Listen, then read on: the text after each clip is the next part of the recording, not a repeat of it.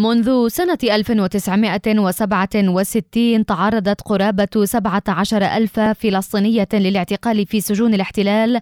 كانت منهن قاصرات ومريضات وذو احتياجات خاصة وحوامل وطاعنات في السن.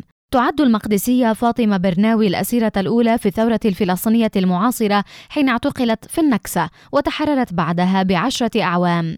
في نهاية عام 2022 كان عدد الأسيرات 34 حسب الوكالة الرسمية ووثق تقرير لمؤسسة الدراسات الفلسطينية اعتقال نحو 184 أسيرة في 2021 كانت أغلبيتهن من القدس وشكل هذا العدد زيادة قدرها 44% عما سجل في 2020 نشرت مؤسسات الأسرى بأن هناك 29 أسيرة يقبعن حاليا في سجن الدامون معتقل أنشئ في عهد الانتداب البريطاني على الطريق الساحلي القريب من حيفا.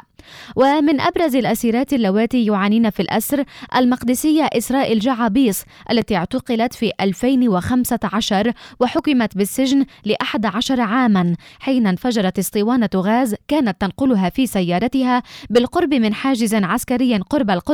نتيجة إطلاق قوات الاحتلال النار على مركبتها بذريعة اقترابها من الحاجز الاحتلالي واتهامها بمحاولة تنفيذ عملية دهس.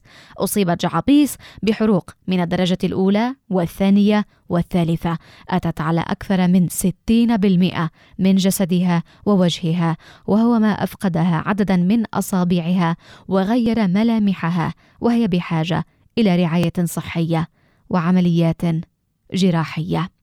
لشبكة أجيال أسيل دوزدار.